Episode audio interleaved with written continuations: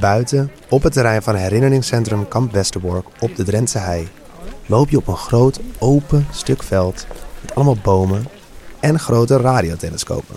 Deze open plek is echt een oase van rust.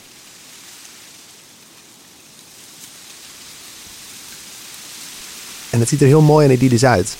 Maar op dit veld komen verschillende geschiedenissen van Nederland en Europa samen. Denk aan Joodse vluchtelingen uit Duitsland die hier worden opgevangen vlak voordat de Tweede Wereldoorlog uitbreekt. Maar tijdens de oorlog is deze plek vooral een doorgangskamp voor Nederlandse Joden, Sinti en Roma, die naar concentratiekampen zijn gestuurd over de grens. De treinwagon op dit terrein doet je daaraan herinneren. Hier hebben meerdere groepen mensen gezeten. Net na de oorlog bijvoorbeeld. Er zijn hier onder andere voormalige NSB'ers naartoe gestuurd. Maar niet lang, want in 1949 heeft Westerbork als een militair oefenterrein gediend. En tot slot kent deze plek ook een hele lange geschiedenis als woonoord Schattenberg. Twintig jaar lang hebben hier Molukse militairen met hun gezinnen gezeten. Hier op deze plek, 500 bij 500 meter, uh, komen alle grote Europese gebeurtenissen van de afgelopen eeuw samen. Europa om je heen. Maar als je goed kijkt, is Europa overal. In deze serie neem ik, Mick de Reehorst, je mee naar de locaties met het Europees erfgoedlabel in Nederland, die bepalend zijn geweest voor de geschiedenis van Europa of de Europese Unie. Wat is het verhaal van dit Europese erfgoed? Wat ervaar je hier? En wat betekent het voor het Europa van nu? En voor jou? In deze aflevering ga ik naar Kamp Westerbork. In 2014 kreeg deze locatie het Europees erfgoedlabel toegekend door de Europese Commissie vanwege de gelaagde en meerstemmige geschiedenis die het vertelt. Sindsdien maakt het onderdeel uit van een netwerk met 60 locaties in heel Europa met het Europees erfgoedlabel.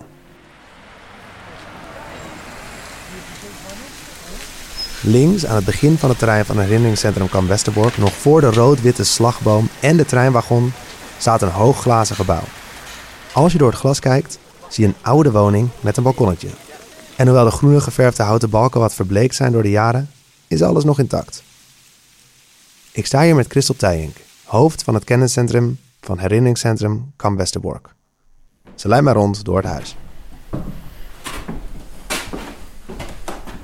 Voor een huis uit 1939 is het in hele goede staat en eigenlijk ook heel modern. Er zit een centrale verwarming in, er zit allemaal zonwering in.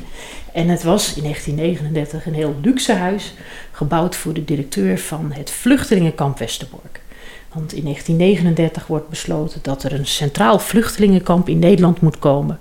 Om uh, Joden die uit Duitsland en Oostenrijk gevlucht zijn en eigenlijk illegaal in Nederland zijn, om die hier op te vangen. Maar wel op te vangen met het mededeling dat ze er eigenlijk ook niet meer uit mogen. Tot 1942 is hier eigenlijk geen natie te zien. En dan op 1 juli 1942 gebeurt er iets heel belangrijks, want dan wordt de naam veranderd. Vluchtelingenkamp Westerbork wordt Polizeiliches Juden Doorgangslager Westerbork, Doorgangskamp Westerbork.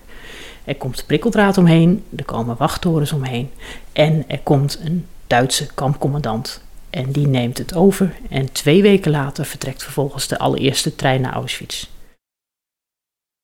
In totaal heeft doorgangskamp Westerbork drie kampcommandanten gekend. Albert Konrad Gemmerker was de laatste commandant. We staan nu in zijn woonhuis en het lijkt alsof de tijd hier stil heeft gestaan. Het behang en de gordijnen zijn bijvoorbeeld helemaal verkleurd.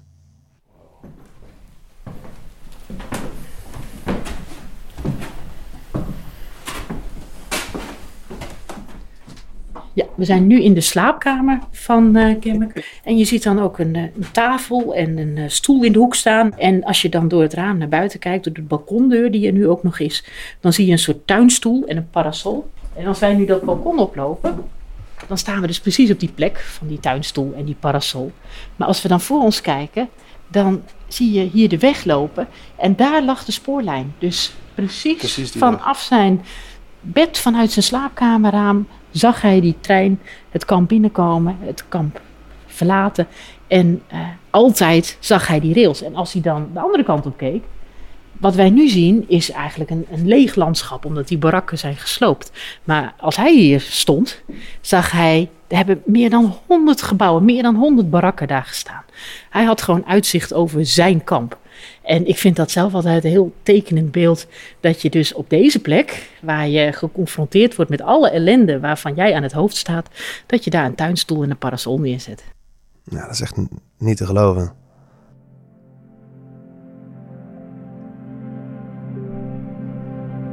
Een plaats van doorgang.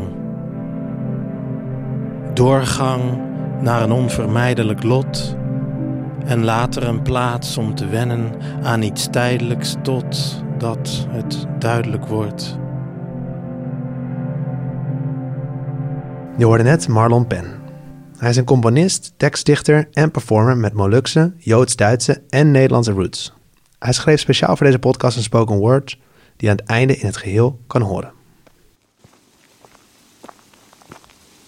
We lopen nu naar twee oude treinwagons op het terrein. Ik hoor een stem en allemaal namen. 48 jaar. Helen Jacobs, 5 jaar. Isaac Jacobs, 35 jaar. Louis Salomon Jacobs, 2 jaar. Martha Sophie Jacobs, 2 maanden. We hebben geprobeerd om er een gesproken monument van te maken. Dus het hele jaar door, elke dag dat je hier komt, hoor je de namen van mensen die zijn weggevoerd. Zowel de mensen die zijn vermoord als de mensen die zijn teruggekomen. En daarmee doen we eigenlijk een, een voortdurend eerbetoon. Want dat is ook wel in de Joodse traditie. Zolang iemands naam nog genoemd wordt, is hij niet vergeten. En dat vinden wij hier heel belangrijk. We heten ook niet voor niks herinneringscentrum. De mensen zijn niet vergeten, ze worden herdacht. Herinneren is de geschiedenis van iemand levend houden. Ik spreek hierover met Jotam Bar Ephraim, die er alles van weet. Als nabestaande vertelt hij het verhaal van zijn grootouders die de gevolgen van de jodenvervolging in de oorlog zelf van heel dichtbij hebben meegemaakt. Mijn grootvader Meijer van der Sluis, geboren in Amsterdam 1926. Uh, toen de oorlog begon woonde hij samen met zijn ouders en zijn broer Simon van der Sluis en zusje Beppie van der Sluis aan de Rooseveltlaan in Amsterdam. Wat gebeurde was, de Duitsers, of de Nederlandse politie eigenlijk moet ik zeggen, belden aan op 10 november 42 s'avonds. Mijn opa had al iets opgevangen dat er een razzia gaande was. Die is gevlucht naar het dak, maar die heeft zijn zusje niet mee kunnen nemen. In, in zijn hoofd en zijn hele leven heeft hij dat schuldgevoel bij zich gedragen. Had hij haar kunnen redden. Dus zover wij weten vrij snel inderdaad via Westerbork naar Auschwitz getransporteerd en daar vermoord. Meteen bij aankomst. Dus ja, goed, dat vertelde opa altijd dat, dat dat een beetje zijn enige troost was. Dat ze in ieder geval niet heel lang hebben geleden. De rest van de oorlog, mijn opa heeft dus in onderduik de oorlog doorgebracht. Dus nou goed, dat is een beetje het verhaal van mijn opa, mijn oma, Ted van der Sluis, Springer. Die is in 1927 dan geboren, ook in Amsterdam. De, de vader van mijn oma en haar, haar zus zijn opgepakt. Die zijn nog in het Oranje Hotel geweest in Scheveningen. En van daaruit weer via Westerbork verder naar het oosten eh, getransporteerd. Mijn oma in de tussentijd zat als 15-jarige alleen thuis. Die is op een gegeven moment uh, naar de Hollandse Schouwburg opgehaald. En van daaruit, ze wilde naar, heel graag naar Westerbork, want ze hoorde dat haar vader en zus daar zaten. Ze is naar Vught gebracht. Uiteindelijk kwam ze terecht bij uh, de uh, Philipsgroep. Ah ja, de groep gevangenen die in kamp Vught productiewerk verrichten voor het bedrijf Philips. En eigenlijk heeft ze dus de oorlog verder doorgebracht met die Philipsgroep. En ze is dus vanuit Vught aan het eind van de oorlog naar Auschwitz getransporteerd. en, en, en vervolgens, ja, de, de, gedurende het einde van de oorlog, inderdaad van de ene kamp naar de andere beetje van hot naar her gestuurd. En uiteindelijk in, op 29 april uh, 1945 uh, werd mijn oma bevrijd door het Zweedse Rode Kruis. Ben je eigenlijk ooit met hen of alleen naar Kamp Westerbork geweest? En hoe was het voor jou? Ik ben er een paar keer geweest. Um, de eerste keer was ik een jaar of 16. Met een aantal jongeren uh, uit de Joodse gemeente in Den Haag, waar ik toen woonde. Ik kan me herinneren dat het me enorm aangreep. Dat was voor mij op dat moment het dichtst bij een soort van een grafsteen voor mijn familieleden die in de oorlog zijn omgebracht. En wat maakt een plek zoals Westerbork zo belangrijk? Wat ik zo ontzettend belangrijk vind aan dit soort plekken, en dat is inderdaad Westerbork en dat is Kamp Vught. Het maakt oorlog voelbaar, tastbaar. Het maakt het echt.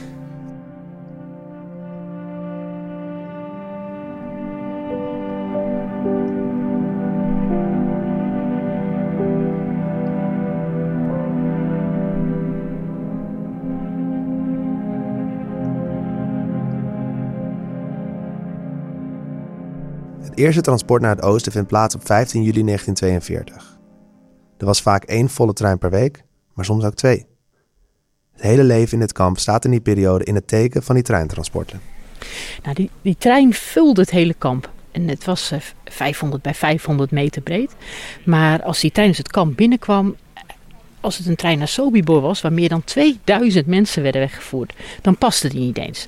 Dan stak het nog het achterste stuk uit het kamp. Ehm, hij rijdt de middag van tevoren het kamp binnen. En ondertussen wordt er gewerkt aan het opstellen van die lijst met namen. En eigenlijk weet je nooit of je erop staat. Het wordt de avond of de nacht van tevoren voorgelezen. En als je dan je naam hoort, moet je ja zeggen dat je het gehoord hebt.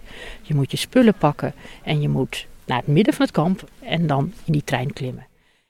De laatste trein die het kamp verlaat, vertrekt op 13 september 1944. Twee weken daarvoor vertrekt de laatste trein naar Auschwitz. En met dat transport wordt Anne Frank en haar familie uit Westerbork weggevoerd. En dat is ook altijd het wrange idee. Als ze één maand later verraden was, als ze hier later in het kamp was terechtgekomen, had ze de bevrijding meegemaakt. Maar met die septembertransporten van 1944 worden de meeste mensen hier alsnog weggevoerd. Via Westerbork zijn meer dan 100.000 Nederlandse Joden en ruim 200 Sinti en Roma weggevoerd naar concentratie- en vernietigingskampen in Duitsland, Oostenrijk, Tsjechië en bezet Polen.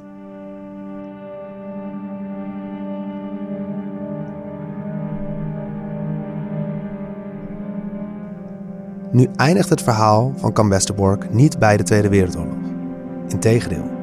Het kent ook nog een roerige naoorlogse periode met verschillende groepen die zowel voor korte als lange tijd op het terrein worden ondergebracht. Tot 1971 is het een plek waar mensen komen en gaan. Daarna wordt het afgebroken. Europa en de Europese eenwording en, het Europese project is natuurlijk ook een beetje een antwoord op de geschiedenis die je hier terugvindt in Westerbork.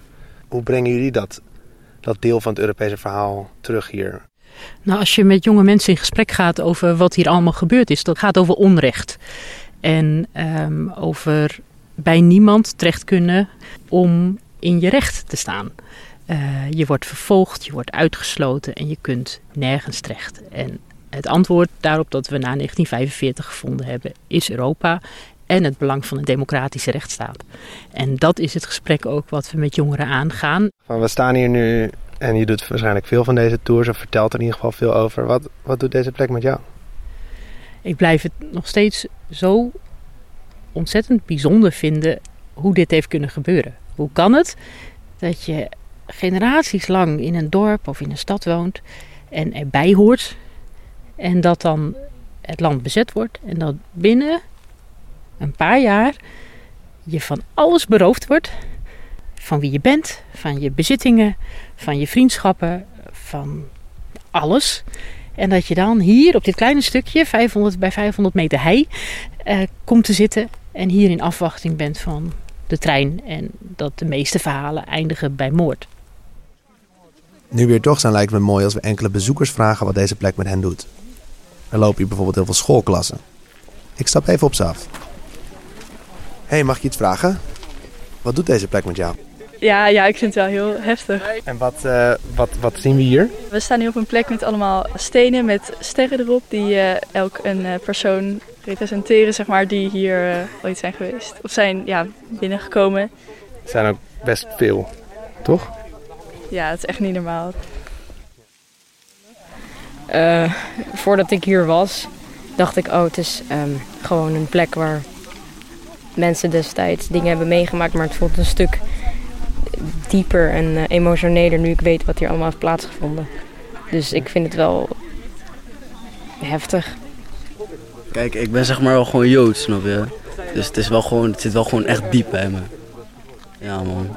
Ja, ik, dus vind, ik vind het wel gewoon fijn om hier zo te zijn, snap je? Ik vind het fijn om hier te zijn. Ja, ja, ja. Het is duidelijk, deze plek maakt indruk. En in 2013 ontving herinneringscentrum Kamp Westerbork het Europees Erfgoedlabel. Wat uh, betekent dat voor jullie? Het betekende voor ons een erkenning dat we op de goede weg waren om al die meerstemmige en gelaagde geschiedenissen te vertellen. Dus dat we ons publiek en vooral ook jonge mensen kunnen vertellen over hoe bizar het is dat op 500 bij 500 meter zoveel Europese geschiedenis samenkomt. Ooit begonnen met vluchtelingen, dan natievervolging van Joden en Sinti en Roma en dan decolonisatie en de geschiedenis van mensen die verplicht moeten integreren in Nederland. En soms tegen hun wil in. En dat is het mooie als je hier wat langer bent en, en ook echt even ruim de tijd neemt voor je bezoek. Om al die verschillende lagen van Kamp Westerbork te ontdekken en te beseffen, nou ja, waarom is dit Europees erfgoed? Omdat hier zoveel gebeurd is dat het uh, Drenthe en Nederland echt overstijgt.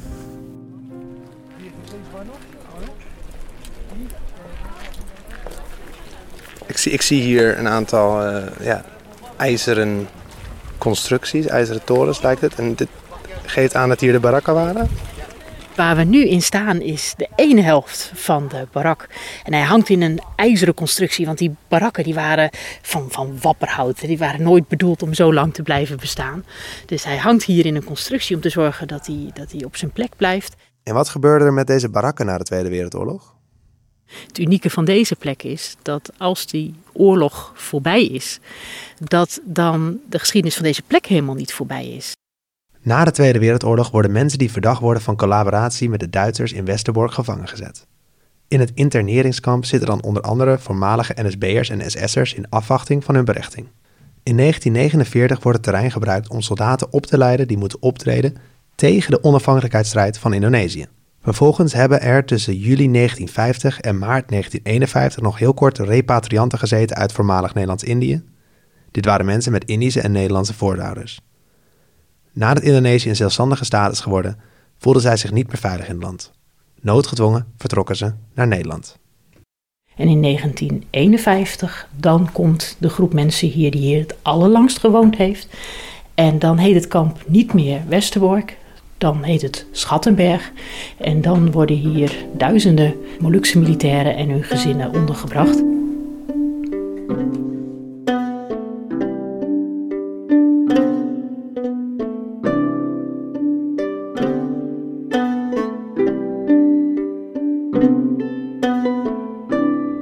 En waarom komen die Molukse militairen en hun gezinnen naar Nederland?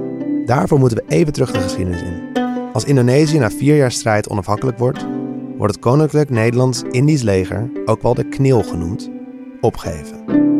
De Molukse militairen die in het KNIL hebben gediend worden voor een keuze gesteld. Aansluiten bij het Indonesische leger of demobilisatie.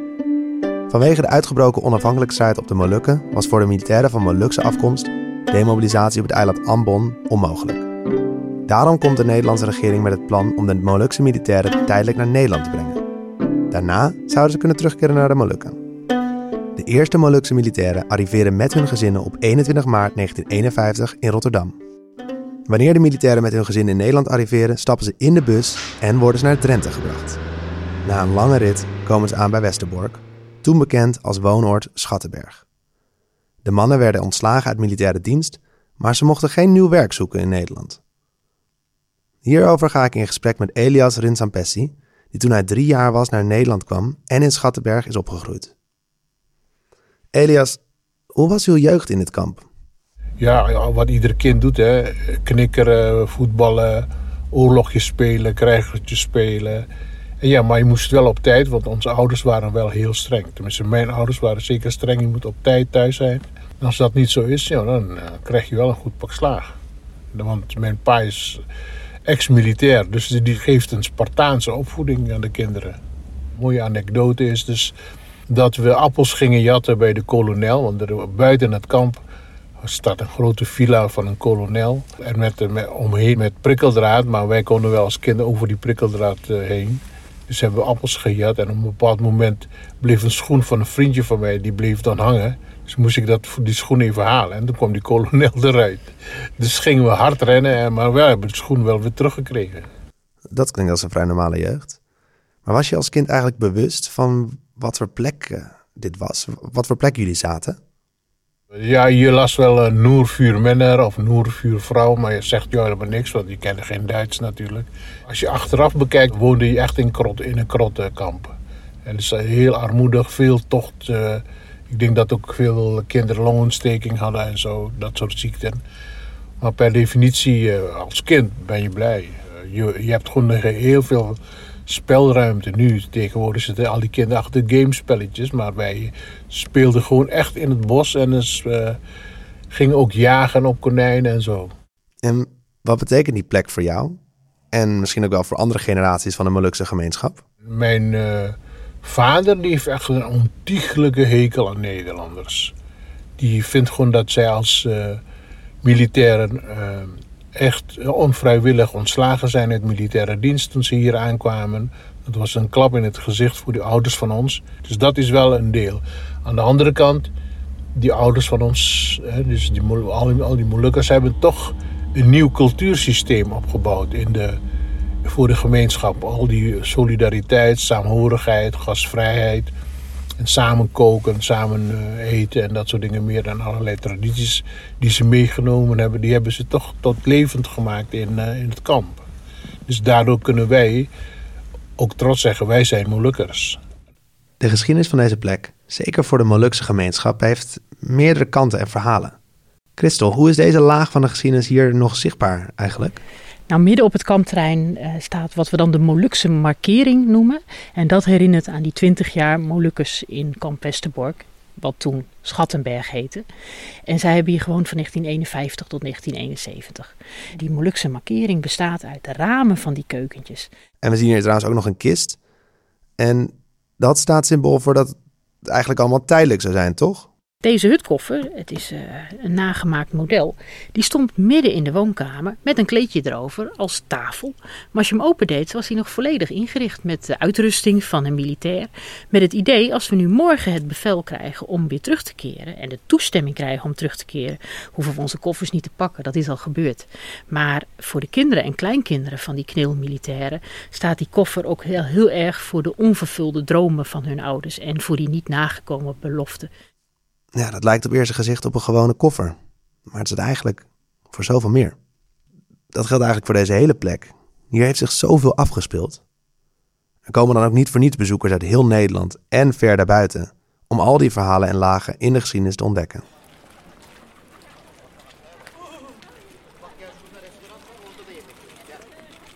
Christel, waarom is het bestaan en in stand houden van het herinneringscentrum Kamp zo belangrijk? Dat wij hier aan de hand van die kleine levensgeschiedenissen van individuele mensen kunnen vertellen wat de gevolgen zijn van oorlog en vervolging en dekolonisatie op een mensenleven. Dat vertellen we hier dus in die kleine verhalen, maar door al die verhalen samen te brengen laten we zien het gaat over Westerbork, het gaat over Nederland, het gaat over Europa. En wat heeft het ook met Europa te maken? Wat leren we ervan? Hoe wil jij dat het Europa van vandaag eruit ziet om te voorkomen dat dit soort processen opnieuw gebeuren en om te zorgen dat mensen zich in Europa gezien, gehoord en geworteld voelen. Dankjewel. Dat zijn inderdaad belangrijke vragen om over na te denken. Ik denk dat ik dat nu nog maar even ga doen.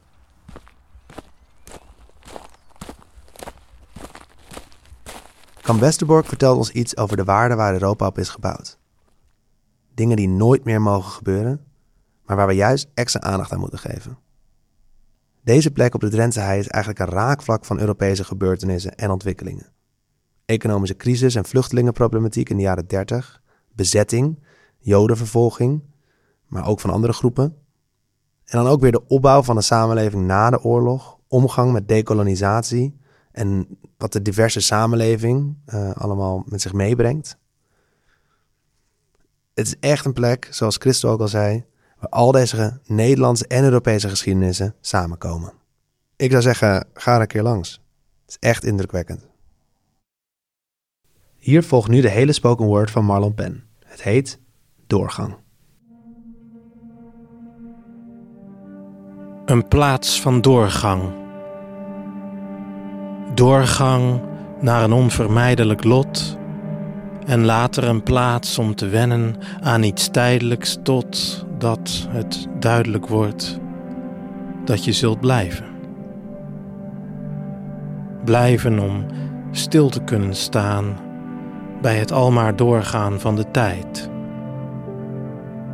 En via vele generaties sijpelen deze woorden door, meer dan overblijfselen van verhalen, maar juist een levend, luisterend oor.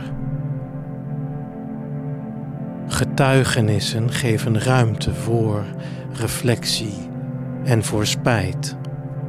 voor perspectief na onzekerheid. Een generatie die strijdt.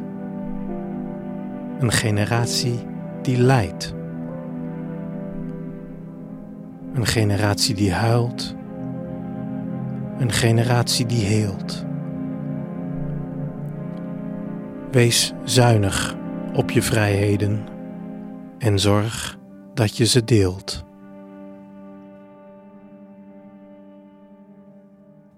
Dit was Europa om je heen over Kamp Westerbork, dat het Europees erfgoedlabel heeft gekregen vanwege de gelaagde geschiedenis die zich er heeft afgespeeld en die het vertelt. Luister ook naar de andere afleveringen waarin ik langs ga bij de andere locaties in Nederland met het Europees erfgoedlabel. Het Verdrag van Maastricht, de Kolonie van Weldadigheid en het Vredespaleis. En wil je meer weten over dit Europees erfgoedlabel? Kijk dan op www.dutchculture.nl slash Europees erfgoed. Dit is een podcast van Dutch Culture, de kennis- en netwerkorganisatie voor internationale culturele samenwerking. Productie is van AWE Studio en Arwe Europe. Gemaakt door mij, Mick Terhorst, met research en productieassistentie van Jacomine Hendriksen, Linda van der Ziel, Henny Metz, Marije Martens en met medewerker van Simon de Leeuw. Veel dank aan de medewerkers van Herinneringscentrum Kamp Westerbork en aan Jotam Bar Efraim en Elias Ritsampessi. De spoken word in deze aflevering is van Marlon Pen. Sounddesign is van Wout Martens en alle originele muziek is ook van Wout Martens. Deze podcast is tot stand gekomen met financiële steun van het ministerie van Onderwijs, Cultuur en Wetenschap.